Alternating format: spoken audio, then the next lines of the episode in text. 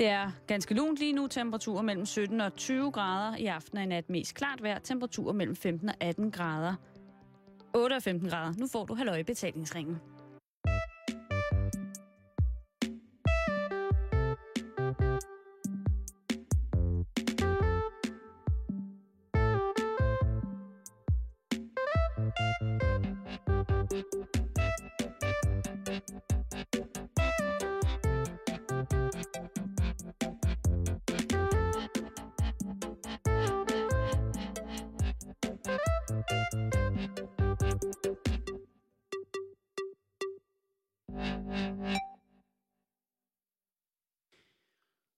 God fredag eftermiddag, den sidste dag i ugen, her til Halløj i betalingsringen på Radio 24 Vi, øh, ja, det er sådan lidt meta, fordi Karen og jeg, vi er her faktisk ikke. Vi er på ferie.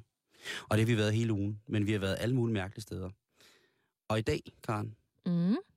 der synes jeg, vi skal tage den helt ud. Okay. Jeg synes, at vi skal, øh, vi skal prøve noget vildt. Har du myggespray med? Nej, men det ved jeg, du har. Jeg har mine myggespray med. Øh, har du gummistøvler med? Det har jeg altid. Og en regnfrak, det har du også altid. Jo. Godt. Så luk øjnene, så knipser jeg, og så får du se, hvor vi hænder. Så må du kigge.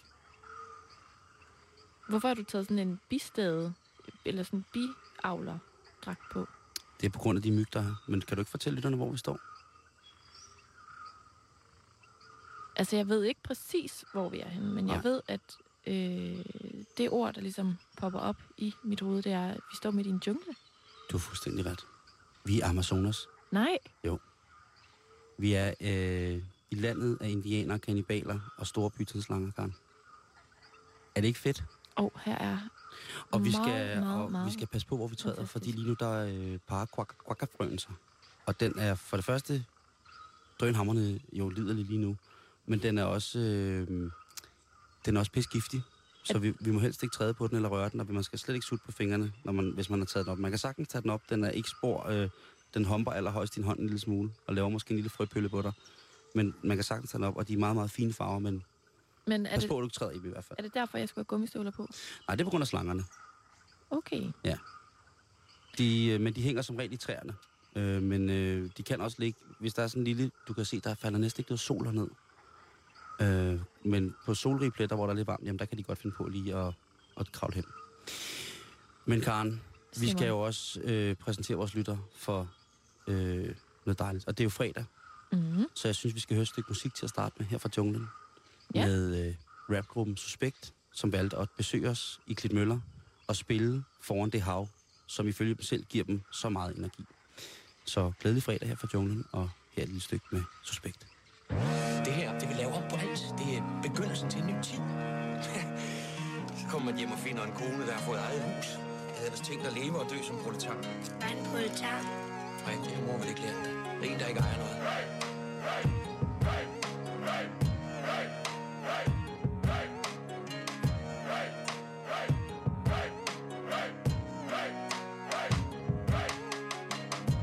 kan mærke en stigende trang til at flå huden af. Vend lortet på vejen for ikke at strande som en muselkal Mellem folk bad de remoulade op om fritter Forstadens glitter. Og glamour blandet med dårlig snitter Træt af at servere de riges røv med luksusvar Eller lang bøffer over grillen til en muggen skar. Af farlige folk, der åbenbart er lige så brugt som mig. Med nul tolerance gennem i ærmet og en duft af nej og proletar Med det samme træningssæt som Rune har. Fodboldfar går gennem betonørken som en dromedar. Hjem til jordhulen og forbi bulen med vennerne. Ind for kulden tilbage til livet, så vi glemmer det. For røgen ligger så tykt i bunden af lungerne. Spreder sig i systemet, så vi ikke kan mærke hungerne Jeg vader gennem togerne til lyden af skrig for mågerne. Og håber det sidste gang, jeg går i sko, der slidt til sålerne men glem mig, fuck at jeg klarer det fint indtil videre. For folk som os bliver ved og led i blinden Efter bedre tider. Skubber slæder Selvom vi ved at vi ikke har penge til det. For lige så snart vi har bare lidt skal hele verden se det. Det er det samme, for de stiger på Men jeg har intet at sige Hver gang jeg tror folk de har ændret sig lidt Er der ikke noget nyt. For det er slet ikke det samme der hvor jeg står. Det er det samme, for de stiger på Men jeg har tror folk de har ændret sig lidt Er der ikke noget nyt. For det stændig det samme der hvor jeg står. Her hvor jeg kommer fra det tæt skam Og bliver set på som lortet i faldstang Fordi de bøser ikke kan det samme Og på ingen måde der noget at gøre. Men det er fucking målgruppe de prøver at ramme?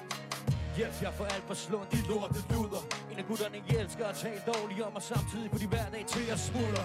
Det samfundslag der jeres verden ikke eksisterer. Røvhullet jeres afkom for guds skyld aldrig Må imitere.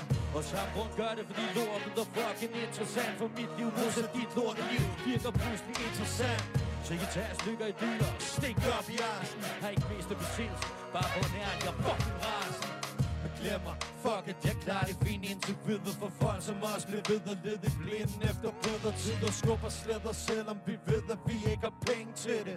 For lige så snart vi har ballet Skal hele verden se det. Hey! Det er det samme folk de stiger på. Men jeg har intet at sige Hver gang jeg tror folk de har ændret noget nyt? For det er ikke det samme der hvor jeg står. Det er det samme folk de stiger Men jeg har intet at sige Hver gang jeg tror folk de har ændret sig lidt? Er der ikke noget nyt? For det er ikke det samme der hvor jeg står. Det er det samme folk de stiger på men jeg har intet at sige For hver gang jeg tror folk de har ændret sig lidt. Er der ikke noget nyt? For det er stændigt det samme der hvor jeg står.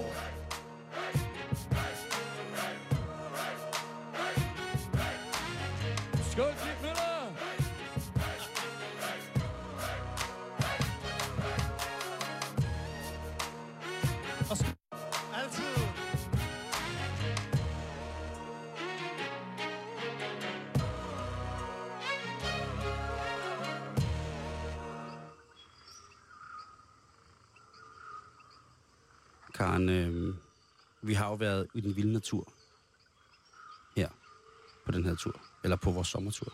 Det har vi. Og en af stederne var jo netop i Thy, i Thy Nationalpark. Åh, oh, sammen med Kim, Seje, seje Kim, naturvejlederen. som viste mig den reneste sø. Jeg drak af søen. Og apropos drak, øh, har du noget med, vi kan drikke? Jeg er ret tørstig. Nej, men øh, jeg ved, hvor der er en, øh, en klar bæk, som vi kan drikke af. En hellig bæk, som øh, indianerne også øh, bruger. Så øh, Hvordan kan du finde rundt herude? Undskyld, jeg spørger. jeg bruger bare min app. Nå, okay. Jungle app. Ja. Selvfølgelig. Eller som de indfødte siger, er du en app, kat? Nej. Øh, Jeg er bare ret tørstig, så det kunne være meget fedt lige at Så lad os lige smide øh, en tur i Thy Nationalpark med Kim Christensen på, og så går vi over til den her bæk. Er du med? Ja, det er en god plan. Godt. Kom her. Ja, så er øh, Karen øh, på, på hook med en plastikpose om den ene hånd og en saks i den anden. Og det kunne være på grund af så meget, men i det her tilfælde, så er det simpelthen, fordi hun er ved at klippe brændenælder. Ikke klippe brændenælderne, som... Nu fjerner jeg brændenælderne, fordi de er, er dumme, men fordi at øh, det er et dejligt stykke grønt, som man i Danmark har brugt rigtig, rigtig, rigtig mange år i madlavning. Og det skal vi også... Øh, vi har vores øh, naturvejleder, Kim, med, som er vist os de her øh, brændenælder. Og han, han er ansat i Thy øh, Nationalpark. Kim, hvor står vi henne nu? Vi står øh, på kanten af Vandesø i øh, Nationalpark Thy. Og øh, vi står lige i brændenælbede. Og det er ikke noget, der er anlagt. Det er noget, der er naturligt selvfølgelig. Øh, og det er sådan, at brændenælder, de er jo, de er jo friskest om foråret, når de, de nye skud kommer op. Og længere hen på sommeren, der bliver de kedelige og ikke særlig velegnede til madlavning. Men hvis man slår dem, og det, det er sket her, ikke fordi vi skal bruge dem til noget, men fordi vi har en sti her, så er der brændenælderne slået. Og så kommer der masser af nye skud op. Og de er super gode til madlavning. De kan bruges til utrolig mange ting. De er, de er meget næringsrige og vitaminrige. Og de kan bruges for eksempel til pesto, til suppe, øh, i salater. De kan også blandes i dej øh, til brødbagning. Øh, så det er en vældig god, øh, sund urt. Du er med os hele dagen i dag, heldigvis. Så langt vi nu kan komme til at finde alle mulige ting. Er der noget med, øh, eller er det bare et lokalt rygte, at øh, vandet er Danmarks reneste sø? Det er rigtigt. Om den er Danmarks reneste, det er nok svært at sige helt præcis, men det er en af Danmarks reneste i hvert fald. Og det gælder både Vandesø og Nordsø, som ligger her tæt på hinanden. Vandesø, det er en, det er en sjælden søtype herhjemme. Det er en karstsø, øh, og det betyder, at den ligger på kalkbund. Øh, og den får det meste af sit vand fra kilder i bunden. Du siger, at vi står ved en sjælden søtype. Ja, ja det gør vi. det gør vi. Oh, det er jeg vild med. Jamen, øh, karsøer, de er almindelige øh, i mange steder i udlandet, f.eks. nede i Alperne, men de er sjældne herhjemme. Kan man gå ned og drikke af den? Det kan man godt. Det kan man Er det rigtigt? Ja, det kan man bestemt. Uh, søvand. Nå, men nu skal vi finde nogle brændenælder. Hold da op, Karen Storp. Det er fint, det er fint. Og jeg, jeg skulle måske lige sige lidt om udstyret, vi har med. Det synes jeg er en Så- rigtig god idé. Når man samler urter, så er det vældig godt at have en, øh, en flettekurv, altså en spåndkurv, og lægge dem i, fordi så bliver de ikke trykket. Vi har taget en saks med. Den er jo god, når man skal klippe brændnælder. Og øh, jeg har et par knive med, som vi skal bruge, når vi finder svampe, forhåbentlig senere på dagen. Det vender vi tilbage til, hvorfor det er godt at have en kniv der. Så har jeg nogle små øh, bøtter med låg, som er gode til bær. Det er snart tid til hyldebærsuppe. Ja, ja, det er rigtigt. Og der er jo en anden øh, plante lige lidt længere nede, som heller ikke har sæson nu, men som jeg godt lige vil vise jer. Lad os gå ned og finde den. Ja, og det er den her, det er den, der hedder havtorn. Eller sandtisse hedder den også, men de fleste kender den under navnet havtorn. Og øh, den får nogle øh, orange-gule bær, meget, meget flotte bær, øh, men ret sent. Og havtorn, det er sådan en meget øh, vigtig ingrediens i det nye nordiske køkken. Den er utrolig vitaminrig. Man siger, at sådan en lille bær, som måske måler under en centimeter, at det er lige så vitaminrigt som en appelsin. Ja, ja, Og det smager fantastisk. det gør det. Det gør det, ja. Den er også god til brændevin i øvrigt, så. Og is, Ja. ja, det er en dejlig, det er en dejlig ting. der saft og kraft. Ja, masser. Fedt, mand. Vi skal ned til den rene sø. Ja. Jeg bliver nødt til at gå ned og smage søen. Jeg, skal jeg lave en lille kop til dig? Jeg har jo gummistøvler på. Jeg gider du ikke det? Så nu henter, henter Karen... Øh... Tag lidt længere over til højre, der ser det renere ud. Få noget af det der skum.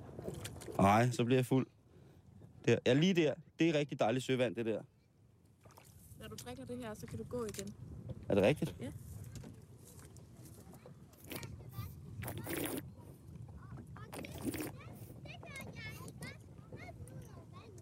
Det smager sindssygt godt. Ja. Nu øh, forlod vi den rene, rene sø, og øh, nu er vi stanset midt ude i noget, der minder om sådan en, en slette eller noget hede, og lige ved siden af noget, noget grænskov. Kim, hvor er vi havnet nu? Jamen, nu er vi kørt ud i den østlige ende af Vildsbøl Plantage. Og det her område, det hedder Dejnbjerg Hede. Det er godt nok et, et dejligt landskab. Hvad siger du, frøken Strå? Jeg er meget enig. Har virkelig, virkelig skønt. Nej, nu er vi på tur, Karen. Ja. Uh, ej, er det ikke blåbær, der ligger her? Du, Kim? Ja, ja. Hvad, er, har mange hugorme? Øh, ikke mange. Øh, der går over imellem, jeg ser en hugorm. Så, så jeg, jeg tænker, jeg ignorerer dem. Altså, jeg tænker ikke på det. Jeg er aldrig blevet bidt. Det er godt. Jeg har taget gummistøvler på. Det har jeg også altid fået at vide, at når man skulle gå herude i høj lyng, så skulle man have gummistøvler på. Ja, det skader ikke i hvert fald, men... Kim går i sandaler. Kim er ligeglad. Vi skulle finde nogle øh, bær. Ja.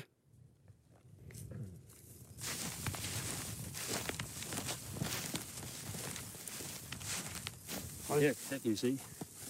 Masser af blåsorte bær. Mange vil kalde dem blåbær, og det har man faktisk også gjort fra gammel tid her på egen. Man kalder dem blåbær, men det er ikke, det er ikke den rigtige, sådan botanisk rigtige blåbær. Det her det er en, der hedder mosebølle. Men øh, den, er, den er udmærket, og den smager godt, og øh, den har været plukket i stor stil i gamle dage, og man har også tjent penge på at sælge dem til den lokale købmand, hvor man har ja, selvfølgelig drevet en form for byttehandel, og så har man øh, købmanden har sendt dem videre til København, hvor de er blevet solgt som blåbær. Nu har Kim lige skåret et lille bitte boble over. Eller Øh, mosebølle over. ja. Han har skåret mosebøllen over. Mosbøl over, ja. De er meget syrlige. Ja, de er, de er ret syrlige, ja. Nu står vi øh, ved en sådan lidt rødlig plante, Kim, som Ja. ja. er gror helt nede i jorden. Det er en øh, solduk. Det er en, øh, en af de få arter af kødædende planter, vi har herhjemme. Vi har solduk, så har vi vibefedt, og så har vi en, der hedder blærerod, som vokser i vand. Men øh, De hedder bare, de hedder virkelig noget fedt. ja, Altså det, blærerod, blærerod, vibefedt vibefedt, ja, og så solduk. og solduk, ja. Og solduk, den vokser netop på sådan en, øh, en næringsfattig, øh, fugtig hede. Og, og den har så den evne, at den fanger insekter. Den har nogle meget øh, klæbrige kirtler på, på bladene. Det er tydeligt at se. Man kan se, at de, glim, de blinker i solen simpelthen. Skinner. Ja, og de der øh, øh, små dråber, de, de klæber. Så når et, en flue eller en myg lander på, på bladet, så bliver den siddende. Så kan den ikke komme derfra igen. Og så lukker bladet sig sammen omkring den, og så opløses øh, insektet. Og det betyder, at, at planten jo så får gavn af det, øh, den, det næring, som er i, i øh, insektet. Og det er smart, når man går sådan et sted her, hvor det, er, hvor det er næringsfattigt, så er det jo smart, at man udnytter den ressource, der er i, Ja. i insekter. Det er meget sådan øko, det der med at være ude og plukke sin egen tranebær. Synes jeg. Ja, det er pænt Christiania-cykel. Det er meget sådan... Ej, fordi Christiania-cykel er jo mode. Det her, det er mere... Det er sådan noget økohipsteri. Jamen, det er sådan noget, uh, jeg har blærebetændelse. Jeg går lige ud og plukker nogle tranebær. Ej, ad, Og laver Karen. Min egen saft. Uh, jeg har fået grås der. Lad mig ud og plukke noget vibefedt. er der alrune rod heroppe? Hvad er nu, øh, hvad er nu det er? Det er det, man bliver bims i låget af. Ja, ja, ja. Det tror jeg, ja. ja jeg, jeg kan faktisk ikke helt huske, hvad, hvad det botaniske navn er for den, så jeg er lidt i tvivl. Og ja, det, det er nok ikke bims i lågers. Blomsters. Nej. Her kan vi se, her er nogle tranebær. De, man skal se vældig godt efter, fordi de er svære at se, og de er ikke helt modne endnu.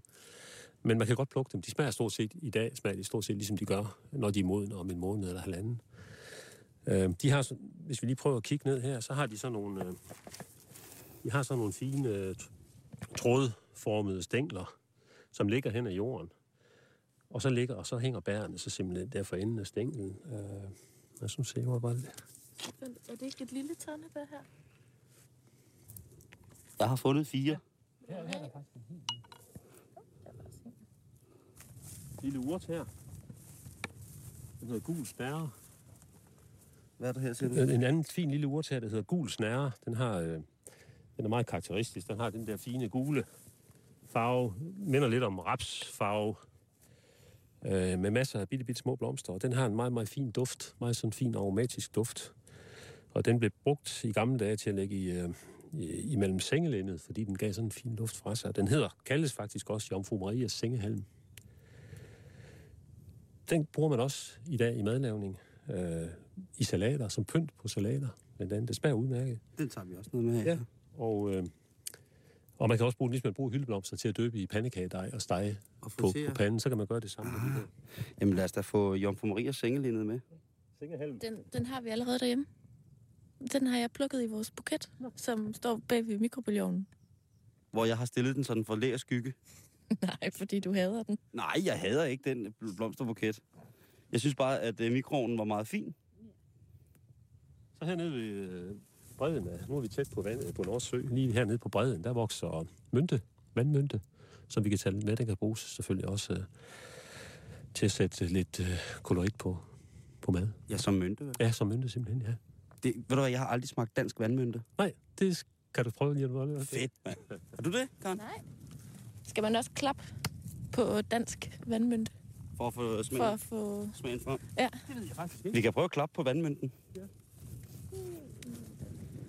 Nej, Jeg har simpelthen så idyllisk. jeg har meget Morten Korksk. Men igen, fordi at, øh, det er Karen, der er den praktiske her i firmaet, så er det hende, der har gummistøvler på, som skal ud og plukke. De står, de står faktisk herinde på, på bredden. Det er de her øh, blålige, Hvad siger du her? blålige planter her, ja. Øh, sådan en lille, ja, blå. En blandet, farven er en blanding af blå og brun, synes jeg. Bordeaux? Ja. Ej. Jeg, Ej, prøver, de dufter godt. jeg nulrer den. Det, det er ligesom slik. Ja. Ej, de dufter godt. Prøv at se, nu har jeg lige nu. Prøv, nu nulrede jeg den på duft. Altså Ej. vandmynten. Der, der er vandmynte herovre!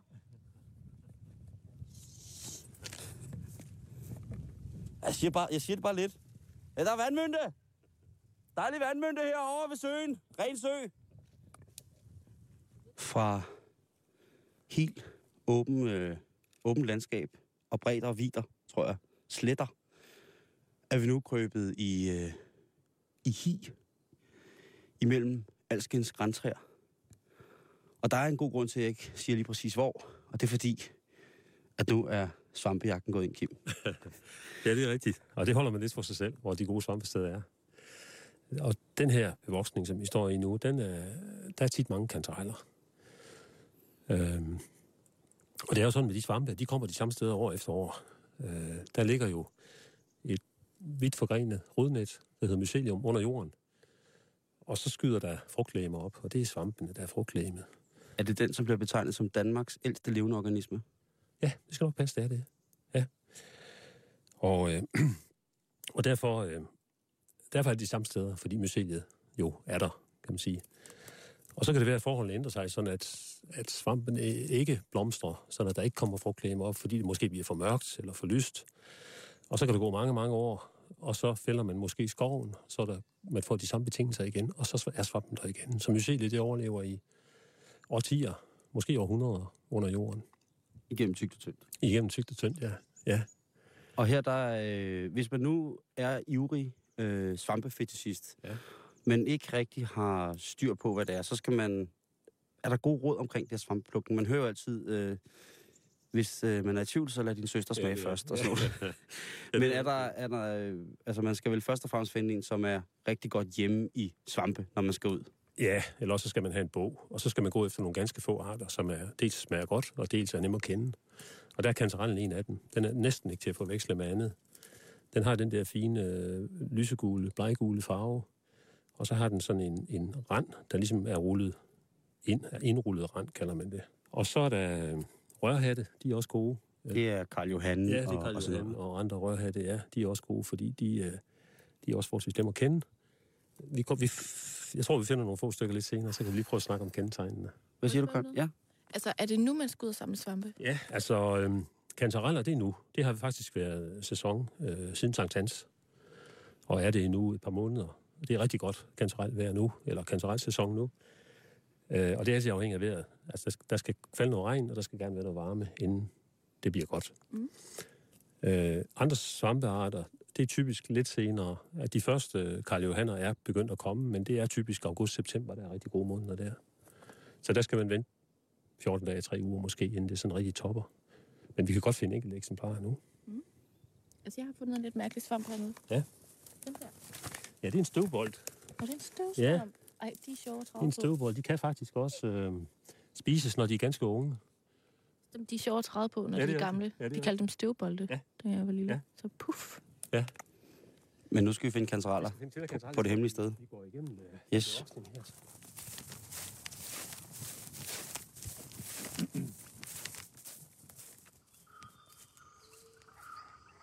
Karen, det var i den tur i Thy Nationalpark, ikke? Nu har du Altså- også fået noget at drikke her, ikke? Jo, nu kan jeg ligesom tænke lidt klart Ja. ja. igen. Ved du hvad, Simon, jeg har tænkt rigtig meget over, at jeg synes faktisk, at den tur, vi havde rundt der i Thy Nationalpark, var på alle måder øh, fantastisk. Ikke mindst fordi, at det gik op for mig, at det ikke er hvem som helst, man vil kunne gå sådan en tur med. Noget af det, vi snakkede med Kim om, det var, at han synes jo, det var en fornøjelse at have os med, fordi han kunne mærke, hvor begejstrede vi var. Mm. Og jeg synes bare, det var rigtig sjovt at finde ud af, at vi begge to satte rigtig, rigtig meget pris på bare at bruge to og en halv time en formiddag på at gå rundt og, og nærmest bare sådan, ja, Blive stukket af myg. Opsamle mosebøller og finde svampe og indsnuse skovluften og drikke rent vand fra en sø og finde vandmynte og sådan. Altså, Altså, altså det, jeg synes, der var det fedeste, det var det der med at bruge stedet. Altså vide, at det er et spisekammer. mm, Det synes jeg var... Og de ting, vi fik med hjem af svampe, det var jo fuldstændig overlegen Mm. fedt. Men prøv at tænke på, at du kunne have haft en med, som bare synes det var tåbeligt. Altså jeg mener bare, at det der mødet med naturen, og netop også, som du siger, øh, spisekammeret, og bare sådan, jeg, jeg synes bare, det, det jeg prøver at sige er nok bare, at det var rart at dele den oplevelse med dig, fordi jeg kunne mærke, at vi var lige sådan begejstrede og satte rigtig meget pris på det.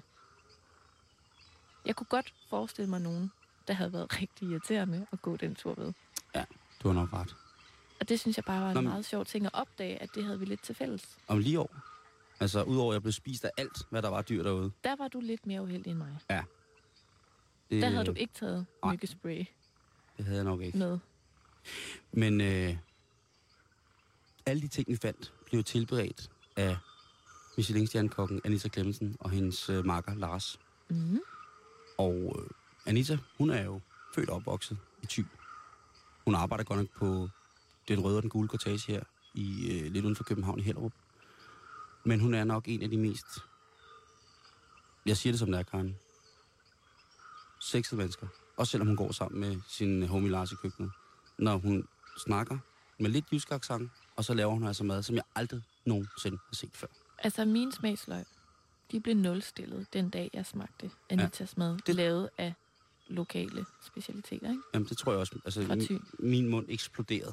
Det var så sindssygt, at jeg ikke... Altså, jeg følte alt, hvad jeg sagde, lød åndssvagt, da jeg skulle prøve at beskrive, hvad det var, jeg spiste. Fordi, ja, der var ikke ord for det.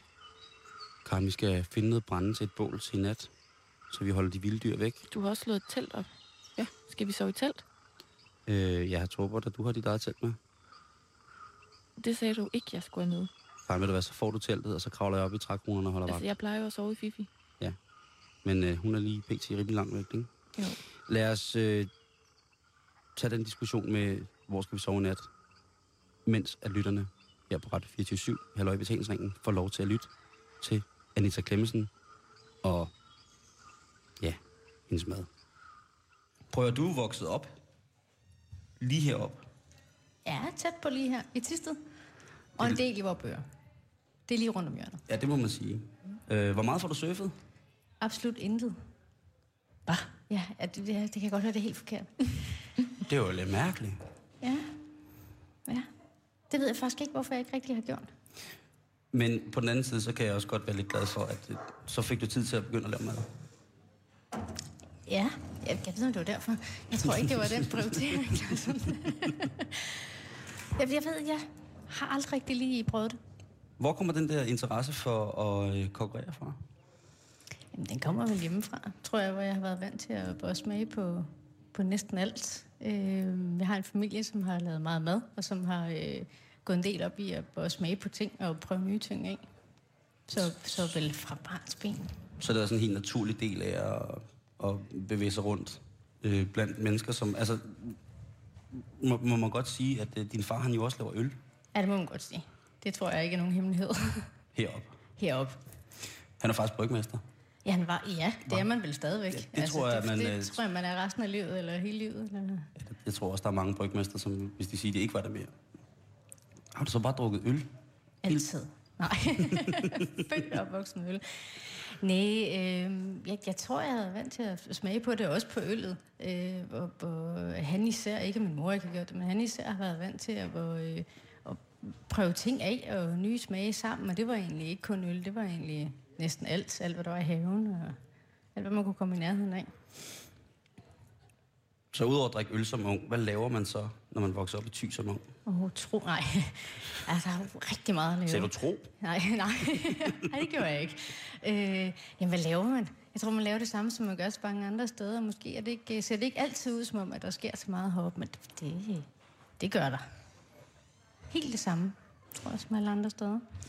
Så hvornår blev du fanget af at tænke, at nu skal jeg gøre noget af det der madlavning? Nu er det ikke bare mad i dag, nu skal jeg faktisk prøve noget lidt mere med det. Jamen, jeg har egentlig altid vidst, at det var det, jeg gerne ville. Og det ved jeg ikke, hvor det kommer fra. Det tror jeg er sådan noget, der er inde i hovedet. Jeg har aldrig været i tvivl om, det var det, jeg skulle.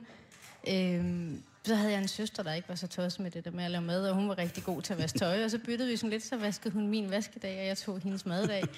og så tror jeg, det, det, det kom helt naturligt. Jeg var slet ikke i tvivl. Øhm, og det har egentlig været utrolig rart at have den der afklarethed om, det var det, jeg gerne ville. Og så det... Så ser du meget forundret ud, tænker, ved man det? Nej, jeg, jeg, jeg tænker bare, at du var helt sikkert på det tidspunkt, du startede, kommet ind i virkelig, virkelig en, en mandsdomineret verden. Ja, Ja, det er jeg jo egentlig stadigvæk. Jeg synes ikke, det er jo ikke... Ej, det vil jo godt være, at Lars, med heroppe fra restauranten, vil, øh, vil sige mig imod. Vi har egentlig mange piger heroppe. Han sidder og drikker øl på bordet herovre bagved. Jeg ved ikke, hvad den er. Men ja, bestemt en mandsdomineret verden. Jeg synes ikke... Øh... Jeg synes, det var meget behagelige mænd, jeg kom i, i selskab med, da jeg startede i kokkelærer. De var ikke så slemme, som, øh, som mange historier går på. Du har været på Søllerød Kro, Ja. og så har du været på øh, først til højre i København. Ja. Og nu har du dig selv. Og så skal Ja, vi skal, og- og Lars. Og Lars selvfølgelig, og alle mulige andre. Men vi skal jo faktisk også fra Halløj Betalingsringen og sige tillykke med den der, ikke? Ja, tak. Og hvis folk ikke øh, ligesom ved det, øh, så har Anitas restaurant fået en Michelin-stjerne. Den 14. marts. Ja. 2012. Ja. Hvad sker der der? Altså, hvornår får man det at vide? Og der var jo så meget hul om hej, og så var der alle mulige andre restauranter, vi skal nævne navne på, som var skuffede, og så var de sure, og så var, de, og så var den ikke kommet til tiden, og så var der, der var meget, der var i det hele taget ret meget i vejen. Og alt det der gik vi glip af, tror jeg. Vi, øh, vi havde ikke, øh, vi havde jo slet ikke tænkt tanken, og havde egentlig heller ikke fulgt med, og det er slet ikke for at virke overlegen på nogen måde, men det, var ikke, øh, det har ikke været en målsætning for os, og det har ikke været noget, vi har drømt om. Øh, og havde aldrig nogensinde tænkt over, at det kunne være en mulighed, så det kom temmelig meget bag på os. Men så slap man jo også for hele det der, øh, kommer den til tiden, og hvad gør vi dagen inden? Er vi spændte, og imiterer vi nogen? Og det, det var helt stille og roligt. Vi sad faktisk, Lars og jeg, og en kok og en elev, spiste mummer. Det er, altså, I må have haft på fornemmelse. Det er jo sådan, at når man ligesom kommer i det her opløb, så får man jo besøg af Ja. nogle gæster, som, hvis man har været i branchen, de kommer, de der mennesker, der skal, skal være med til at give en stjerne og anmelde restauranten, eller give det videre. Jamen, så har vi bare været utrolig dårlige til at gennemskue det. Fordi det, det kan godt være, at vi har været lidt dumme der. Det nej. Vi Jeg tror ikke, øh, personligt ikke på, at det er, fordi man er dum. Jeg tror, det er, fordi man bare øh, er så dybt begravet i det, man elsker at lave, at man faktisk ikke øh, gør det til sådan en dyd på den måde. Er du konkurrencekok? Nej. Jeg var konkurrenceelev. Jeg havde sådan en idé om, da jeg var elev, at jeg skulle øh, øve mig til at blive god til eksamen. Jeg ved ikke helt. Altså, sidenhen har jeg så aldrig vist mine eksamenspapir. Men jeg deltog i en masse konkurrencer, dengang jeg var elev. Jeg synes, det var rigtig spændende, men har ikke gjort det siden. Så nej, ikke øh, på nogen måde. Jeg synes også, vi sådan har trukket os lidt ud fra København og har haft det rigtig rart med at være lidt uden for hele det der tumult. Vi skal måske lige sige, at øh, de restauranter, som, som, som dig, Lars, øh, er tilknyttet, øh, hedder Cortagene, Ja. og det er øh, den røde og den gule, Præcis. øh, og som ligger øh, lidt nord for København. Øh, nogen vil kalde det andre, ja, andre vil kalde Området. Oh, potato, potato. Nå. Jeg tør ved med, at de også har et godt vilkår. Nej. Nej, øh, hvad hedder det? Øh, så har man lige det på plads. Man kan mm. gå ind på øh, cortagerne.dk og se, øh, hvis man er, man lige får lyst til det her. Altså, Anita, jeg kunne godt tænke mig at spørge dig om noget. Ja. Sådan kvinde til kvinde. Åh, oh, gud ved hvad nu. Du kan bare slukke din, Hvad siger du? du kan bare slukke din Men det er jo ikke mikrofon. karndag. Nej, men okay. Lige To- lidt. Jamen, så slukker jeg den her to sekunder, og så, øh, så laver jeg noget informativt arbejde, som laver lidt hyggestøj i baggrund. Hvad er det? Det vil jeg ikke sige til jer, fordi oh. I er kvinder. Nej, jeg kunne bare godt lige tænke mig at vende tilbage til det der med at være ene kvinde i den her mandeverden. Hvordan er det? Mærker du noget til det i din hverdag? Hverdagen har på ingen måde forandret sig, og jeg er på ingen måde ene kvinde i en mandeverden. Der er masser af kvinder, og, og også masser af kvindelige kokke, som, som gør det fantastisk, og som øh, også som laver konkurrence, og som er rigtig, rigtig dygtige. Øh, der er jo bare det her med Michelin-stjernen, som kun bliver givet i København, og derfor er der måske nogen, som, som bliver overset. Men det er bestemt ikke, fordi der ikke er mange kvinder i branchen. Det er, der er ikke så mange, som der er mænd, og der er ingen tvivl om, at det måske ikke er den mest kvindevenlige branche. Men det, jeg tror, det er, hvad man gør det til. Hvad mener du, når du siger, at den ikke er kvindevenlig? Jamen, der er jo det der med de der børn. Og det er jo kvinderne, der skal have dem. Og, og hvis man nu synes, at det er en rigtig sjov branche, så er det jo aftenarbejde, og det er øh, weekend, og det er altid, hvis man brænder for det, og det er svært at lade være med, og det er der bare måske ikke den bedste kombi altid. Nej. Fordi jeg skulle lige til at spørge, hvordan det kan være, at der ikke er flere kvinder, der ligesom er på samme niveau som dig nu, hvor du ligesom har fået den her stjerne og Jamen, anerkendelse. det er der helt sikkert også.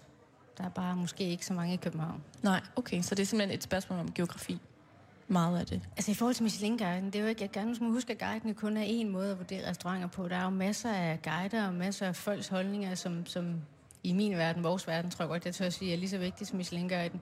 Øh, den har bare fået en helt særlig status, og den øh, udkommer jo så kun, i hvert fald i Danmark, tager den kun restauranter med i Storbyen indtil videre. Forhåbentlig bliver det lavet om. Øh, men der er altså andre kvinder. Jeg tror ikke, øh, tror ikke man skal glemme dem. Og, nu må jeg Du må godt være med igen Jamen, nu, Simon. Nu har det er okay. det der... Det er jo bare lige det, jeg vil spørge om. Ja, det der med... Kvinde til kvinde. Ja, ja, fint, fint. Det er også dejligt. Øhm, på nogle punkter, kvinder og kvinder sammen, det virker Det er også for mænd. Nå. Nej, men... Jeg kan jo, øh, som min øh, sportstrænede krop, måske ikke give udtryk for godt at gå ud og spise en gang imellem. Og der går man jo nogle gange med de her guides forskellige steder i verden.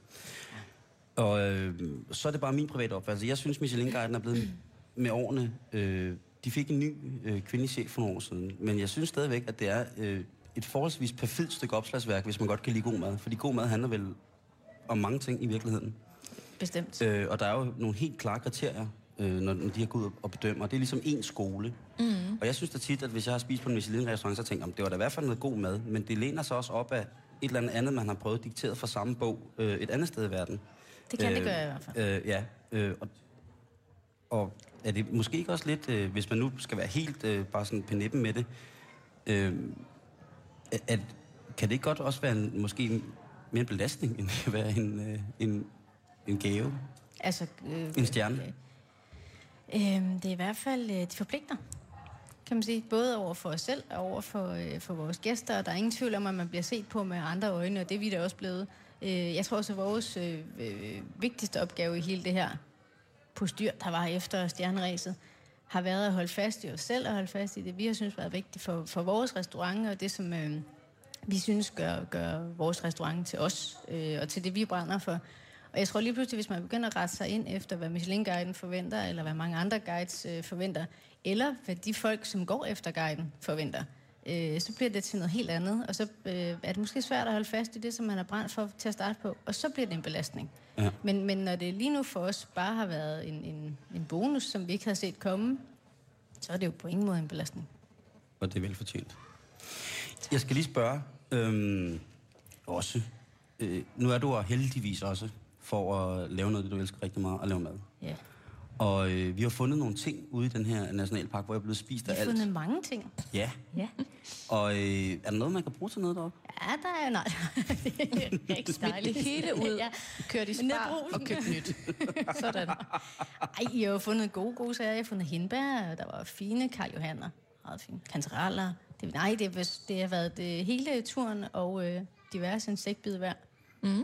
Altså, jeg blev Ja, jeg også lige... Øh, Det er helt fucked up. Men jeg- jeg det, slår ud- det er dig. sådan en skib og skrækarm, jeg har fået. Altså, Alle de muskler, jeg nogensinde har drømt om, har jeg fået på grund af, at der er en eller anden hamster, der har et i mig. Jeg slår dig i insektet, for jeg er blevet bidt af en skovflot i dag. Har du lige øh, tjekket øh, The Body for eventuelle flåter? Nej, Du skal lige tjekke i lysken. Der der sidder er de slet tit. ikke plads til flåter der. Armhulerne. Nej, nej, nej, nej, nej. Der, der, de vil ikke ind på min krop. Nå, Jeg fornægter jo sådan ting. Tæer- Skovflåter? Ja, skovflåter og hvad det altså er for noget. Nå sejt. Men Lisa, bortset fra, at vi bliver spist derude, hvad er øh, ty for en spisekammer? Når man, hvis man kigger på det med professionelle kokkerøjne. Men en hel masse. Ty kan, ty kan rigtig, rigtig meget. Nationalparken kan rigtig, rigtig meget. Man skal give sig tid, og man skal øh, ville det. Øh, man skal finde det, og man skal ture at bruge det, tror jeg faktisk. Mest af alt, så skal man ikke være bange for at bruge de ting, man finder ud. Selvfølgelig er det meget smart lige at holde øje med, hvad det er for nogle svampe, man finder, og hvad man kan med dem. Men, øh, men man skal ture, og man skal gide at gå derud øh, og tage det med hjem. Jeg kunne godt tænke mig at spørge. Nu har I brugt nogle timer her i køkkenet bag os på at tilberede de her ting, som Simon og jeg havde med hjem. Mm-hmm. Hvad giver det dig at stå og tilberede øh, de her forskellige urter og svampe og bær fra din egen hjemstavn? det, det giver altid en, en, en masse. Men jeg vil sige, det, altså, små fine skovsyre er, er rigtig, rigtig fine for Nationalparken, men de er jo fine altid. Altså, glæden er jo lige så meget at finde det og, og få det brugt. Øh, og det øh, tror jeg, uanset hvor man kommer fra. Her er vi bare enormt privilegerede, vi har en masse ting. Øh, men når vi går op ved restauranterne og finder det ude i skoven deroppe, så er det også fantastisk at bruge. Det er altid rart at bruge det. Nu, har- nu har vi nu har I os med at finde det, men det gør det jo ikke. Bruger man Øh, det giver en masse. Det er noget helt andet, end at pakke det ud af grønthandleren. Altså, det, det vil folk også opdage, hvis de turde gå ud i parken og finde de her ting. Men det tror jeg egentlig også, at tyboerne gør. Det gør de. øh, Vi havde jo en, øh, en sød mand, der hedder Kim med, som hjalp os, som man, lytterne kan møde på mandag, hvor vi faktisk sender ud midt fra, midt i Thy Nationalpark. Så er du far igen. Ja. Prøv at jeg sidder og pakker ind i sorte skraldesække Du og skal sådan øh, Jeg du gider ikke finde mig i det der mere. Sådan et biavler øh, dragt på, måske. Jeg skal have alt muligt på. Og så, bare lige apropos også, at stå i køkkenet med den her udsigt, det vil heller ikke så skidt endda. Nej, det er rigtig dejligt. Det er rigtig, rigtig fint. Savner du ikke nogen gang det her tempo op ty øh, midt i alt det københavnske? Jo. Jo. Altså, jeg, jeg, øh, jeg savner mange ting fra Thy over i det københavnske.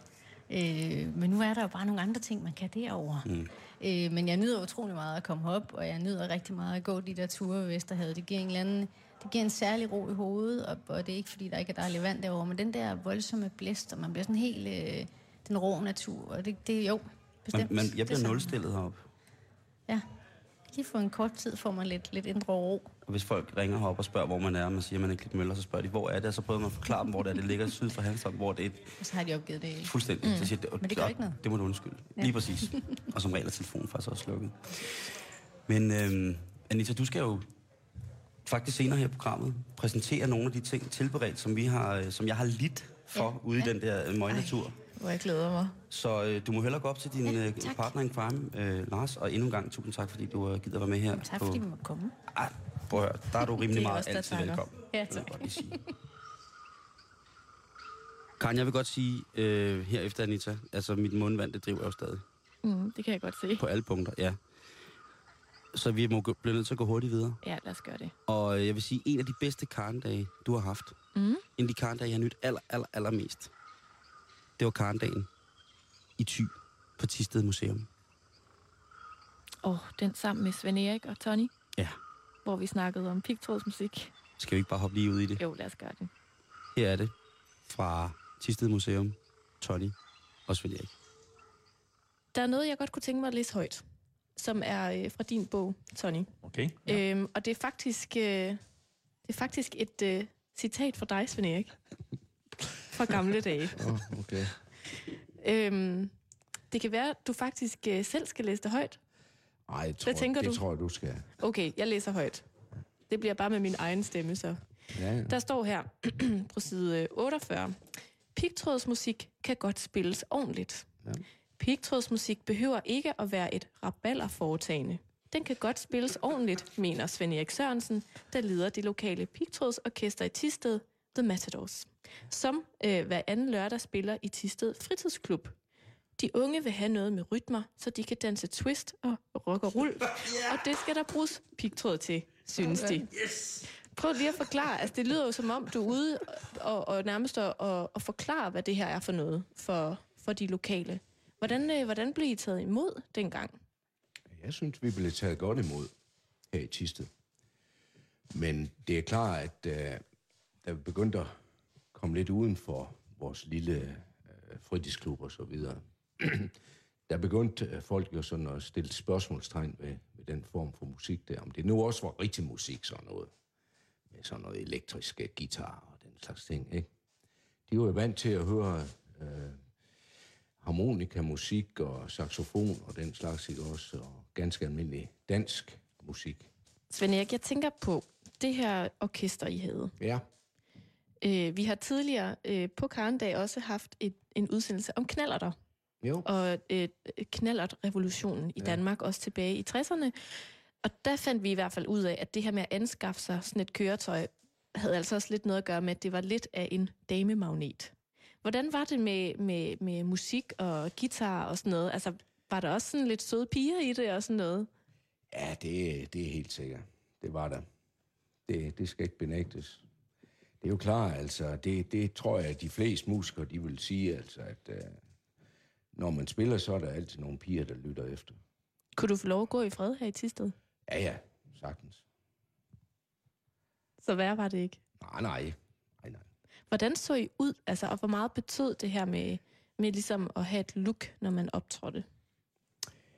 Jo, men det er klart, det, det betød da meget. Altså, øh, da vi begyndte at spille i begyndelsen af 60'erne, der var det jo der var det ikke blevet moderne med langtrøje nu. Men det blev det jo, da The Beatles de kom frem, som bekendt. Og det blev jo så også en del af det der at være anderledes og ja, en slags, øh, hvad skal vi sige, ungdomsrevolution egentlig, der begyndte der. Fordi jeg kan da huske, øh, på min daværende arbejdsplads, der fik jeg besked på, øh, at- at jeg skulle klippes. Fordi jeg begyndte at anlægge mig langt hår, da vi begyndte at spille den slags musik. Det hørte jo ligesom med, ikke også? Og der sagde min chef til mig, at, øh, at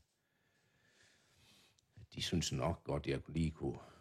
kunne øh, eller, det blev ikke sagt direkte, men det, det lå i luften, ikke også? Altså, man kunne godt se lidt pænt ud. Ikke? Pænt ud. Mm. Ja. Fordi der antog man det ikke for at, at, at se pænt ud. Men det kan man sagtens gøre med langt hår i dag. Jamen altså, Simon, min, min medvært, er jo ved at anlægge sig. Ja. Langt hår. Ja, han vil gerne lige Kan man nogen, sige. fra 60'erne. Nej, jeg vil gerne have Beatles hår. Ja, Well, du det? hvorfor må jeg ikke få Beatles hår? Hvorfor må jeg ikke få Beatles hår?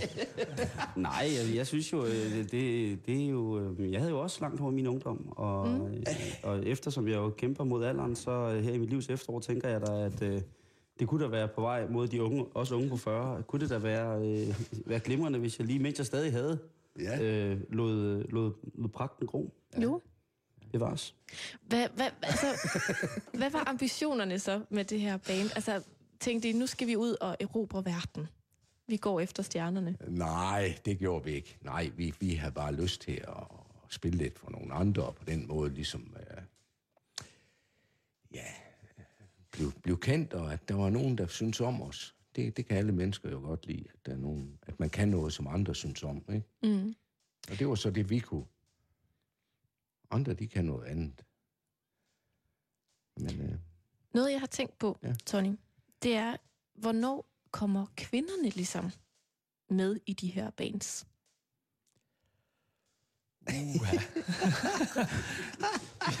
og, og, Nu, nu går det. fordi jeg kan jo se, når jeg kigger mig rundt omkring her på udstillingen, der er jo nogle kvinder. Altså, hvad for en rolle spillede de ligesom i de her bands? Øh, jamen, dels var der jo øh, nogen, der, der fik en, en, en, en dame eller pige med som sangerinde, og, og, og kun det.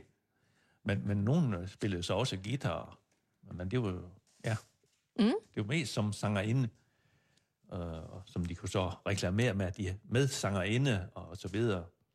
Og der var der en af orkesterne, der, der hedder Mexicana, de skrev der med go go lavede danserinde, men det var, det var altså, men hun sang jo sådan set kun. Okay. Men, øh, det, ja. Kan I, Men- huske, kan I huske, hvad I tænkte, altså, da de her piger ligesom kom med? Var, det så, var de så mega seje, eller hvad, var, så man også op Jo. til dem på samme måde? Jo, det, er simpelthen- der var nok øh, nogen, der, der, der mente, at det, det var egentlig sejt, fordi de var så få. Der var, der var måske kun to-tre stykker øh, i hele området, som... Og jeg kan huske, en af dem optrådte altid i bare tæer, og det var jo ved imponeret over. så jo, det, er- det er da rigtigt. Og jeg vil godt lige øh, indskyde en, en, en, en sætning i forhold til det, du læste op øh, med øh, den der plakat med All and His Disciples. Fordi du skal jo have forklaring på, hvorfor de skriver det. Ja, det vil jeg meget gerne have. Det er simpelthen, uh, har jeg fået ved af skattemæssige hensyn til, fordi, s- uh, ja, fordi det, man, man bruger jo ikke det med, med, med skat og sådan herude på landet. Uh, så for ikke, at, at de der fra 12 og skat skulle kunne sidde og kigge avisen igennem, når Ola og de andre, de spiller der, de spiller der, de spiller der, så lavede de lidt om på navnet, uh, så de ikke kunne genkende, at det var de samme, der spillede. For, det- ikke, for ikke, når de fik de her sorte penge i, uh, for at spille, at de ikke skulle blive bonget for det. Er det så også derfor, der står entré? Det taler vi ikke om. Sikkert. Det er alligevel meget diskret. sort penge. Okay. Men er I nu sikre på, at det ikke er decibels? Og det kan da også godt være. Oland his decibels. Det kan være, at det er fri fortolkning, Jo. hvad man nu synes. Ja. Øhm, nu sidder vi jo her midt i altså, jeres ungdom, kan man sige. Ja. Hvordan, øh, hvordan er der at sidde imellem alle de her billeder og plakater og avisudklip? Jamen, det er jo, det er jo fantastisk flot arbejde for det første, øh, museumsfolkene har, har lagt for dagen for at få det til at, at, at ligne et, gammelt forsamlingshus. Med, hvis I kigger hen, så, så selv øh, øl og, og, og askebær og cigaretskod, de, de er jo med på scenen, så, så, så det er da det hele. Mm. Så, så jo, det, er- det er fantastisk, og det er de gamle flot uniform. Øh, I snakker før om, om, om, om øh, håret, og, og, men det, var- det var jo, der var jo stil over påklæden dengang. Det var jo skræddersyet tøj øh, hele vejen igennem, øh, og, og, og, og blonde kanter ved skjorterne. Og så, så det, det var virkelig nogle flot fyre, der stod på scenen. Så det er jo ikke, det er jo ikke uh, ingen under, at, at pæne faldt for dem jo. Det er det, jeg siger. Altså, alle ser jo fantastisk ud på billederne i den her udstilling. Men, men kan I sidde her uden at blive en lille smule vemodige? Altså, det er jo også en ære, der på mange måder er slut. Nej, det kan man jo ikke. Det kan man ikke. Når man står og kigger på skærmen, og der var de der gamle, gamle billeder ruller forbi, så, så kan man ikke undgå at blive lidt bemodig jo. Fordi det, det, det er jo... Bortset fra, fra, at der er nogen, der stadigvæk øh, har taget tråden op og spiller det, det, men omgivelserne er jo ikke de samme. så, så selv musikken, den, den lyder måske endda bedre nu, øh, på grund af, af udstyret, der er bedre, men øh, så, så omgivelserne og tiden er der jo ikke længere. Mm-mm. Hvad, hvad tænker du om det, Svend Erik? Jamen, øh, nej, jeg bliver ikke vemodig, men, men jeg, jeg tænker da, jeg synes, det var en dejlig tid. Altså, det er da helt sikkert, det var en helt fantastisk tid, øh, i, i hvert fald for mig. Fordi det er jo, det er jo altid dejligt at, at gøre noget, man, man synes, man er god til. Og det, det gælder vel inden for alle, alle forhold, ikke også? Mm. Og øh, jamen altså, musikken har jo betydet noget for mig igennem hele mit liv, og det, også den musik, jeg spillede dengang. Og nu har jeg haft et arbejde, hvor jeg har været så heldig at, at kunne bruge min musik i undervisning. Og det har jeg haft stor glæde af. Og, og, og de øh, senere år, der har jeg så genopfrisket musikken med gamle venner, også i forskellige sammensætninger. Først et, et uh, Beatles-band, røgndyrket Beatles-band i 90'erne, hvor vi spillede alle Beatles-numrene på gymnasier og så videre, så der fik jeg jo sådan en lille renaissance, oplevede de her uh, skrigende piger, har jeg sagt. Skrigende Øh, bedstemødre. nej, ja, det, ja, nej, det var jo unge mennesker, fordi altså, der, var, der var forskellen jo på, på, øh, i 90'erne, også, hvor Beatles jo fik en renaissance, og så dengang vi spillede. Vi spillede jo bare det, vi hørte. Mm. Det har jeg fortalt før. Altså, vi, vi lagde ikke så stor vægt på, om, om det nu var de rigtige ord. Altså, det var musikken og helheden, vi lagde vægt på. Men øh, da vi nu spillede alle de her Beatles-numre i 90'erne, der skulle vi jo, øh, især mig, lære teksterne udenad. Og det, det voldte lidt besvær. Jeg, jeg havde da sanghæfte med de fleste gange. Mm. Fordi nu kunne alle de her gymnasieelever pludselig alle Beatles-sangene udenad. De lærte dem nemlig i skolen. Mm. Det var pludselig blevet moderne, ikke også? Så øh, det blev altså det helt rigtige, vi fik lavet dengang. Så, så det kom til at lyde helt rigtigt. Simon, du vil spørge om noget? Det var bare i henhold til det der med, at man blev vemodig, og sådan, at man var sådan et retroperspektiv, eller satte sig selv lidt i et retroperspektiv. Er man ikke, øh, nu ved jeg godt, at I begge to er nordvestjyder, men er man ikke også en lidt en smule stolt over at være de første, der spillede det? Og jeg er meget, jeg er meget stolt. Det er, jeg. det er, jeg er meget stolt over, jeg er over vores band, The Mats, og det andet band også, Strawberry Field, som vi havde. Altså, jeg, jeg har altid anset os for at være nogle rigtig gode bands, og, og, og kunne matche de helt store, hvis vi er vilde. Og vi har jo også øh, mulighed for at senere i programmet, ja. der skal vi jo netop høre Ja. ja. The Mats. Jamen, jeg tænker faktisk, om det er ved at være tid. Hvad, hvad siger øh, DJ'en? Og bevares. Jeg siger, at øh, The Match, og vi skal her høre nummeret Rescue Me. Rescue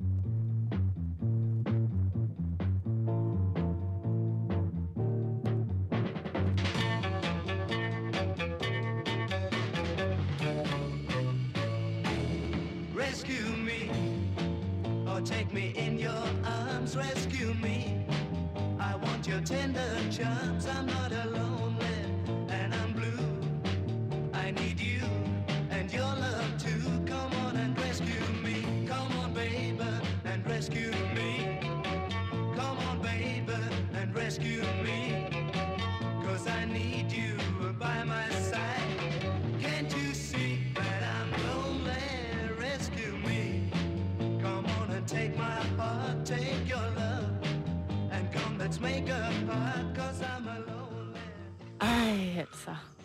De to drenge der, ikke? Ja, De har hygget sig. det var, det var virkelig en fornøjelse at møde dem Ja, det må man sige. og høre deres historie. Og verdens fedeste udstilling. Er super fed. Karen, vores ferie, den er desværre slut. Ja. Øh, det er slut med at være meta. At vi både er det ene sted, og så er vi det andet sted, og så er vi ikke, og så er vi der, og så er vi det betyder det, og hvad betyder det, og er flere lag, og bla bla bla. Øh, har du haft en god ferie? Jeg har haft en, øh, en rigtig dejlig ferie, og det har været hyggeligt at, at ligesom komme lidt rundt omkring. Jeg er lidt spændt på at skulle sove i det der telt. I Ved du hvad? Det skal jo slet ikke være. Jeg sidder oppe i træerne og holder vagt. Okay. Så, Jeg har set uh, Bubber BS på hyggetur. Jeg ved, hvordan man Okay. gør. Jeg ved, hvordan man gør det pisse der. Fedt. Så god weekend, ikke? I lige måde, Simon. Og øh, så ses vi jo for real ind i radioen igen på mandag. Nu er klokken blevet 18, og det betyder, at du skal have en ikke spor meta, men helt normal omgang Radio 24 Synligheder. De kommer her.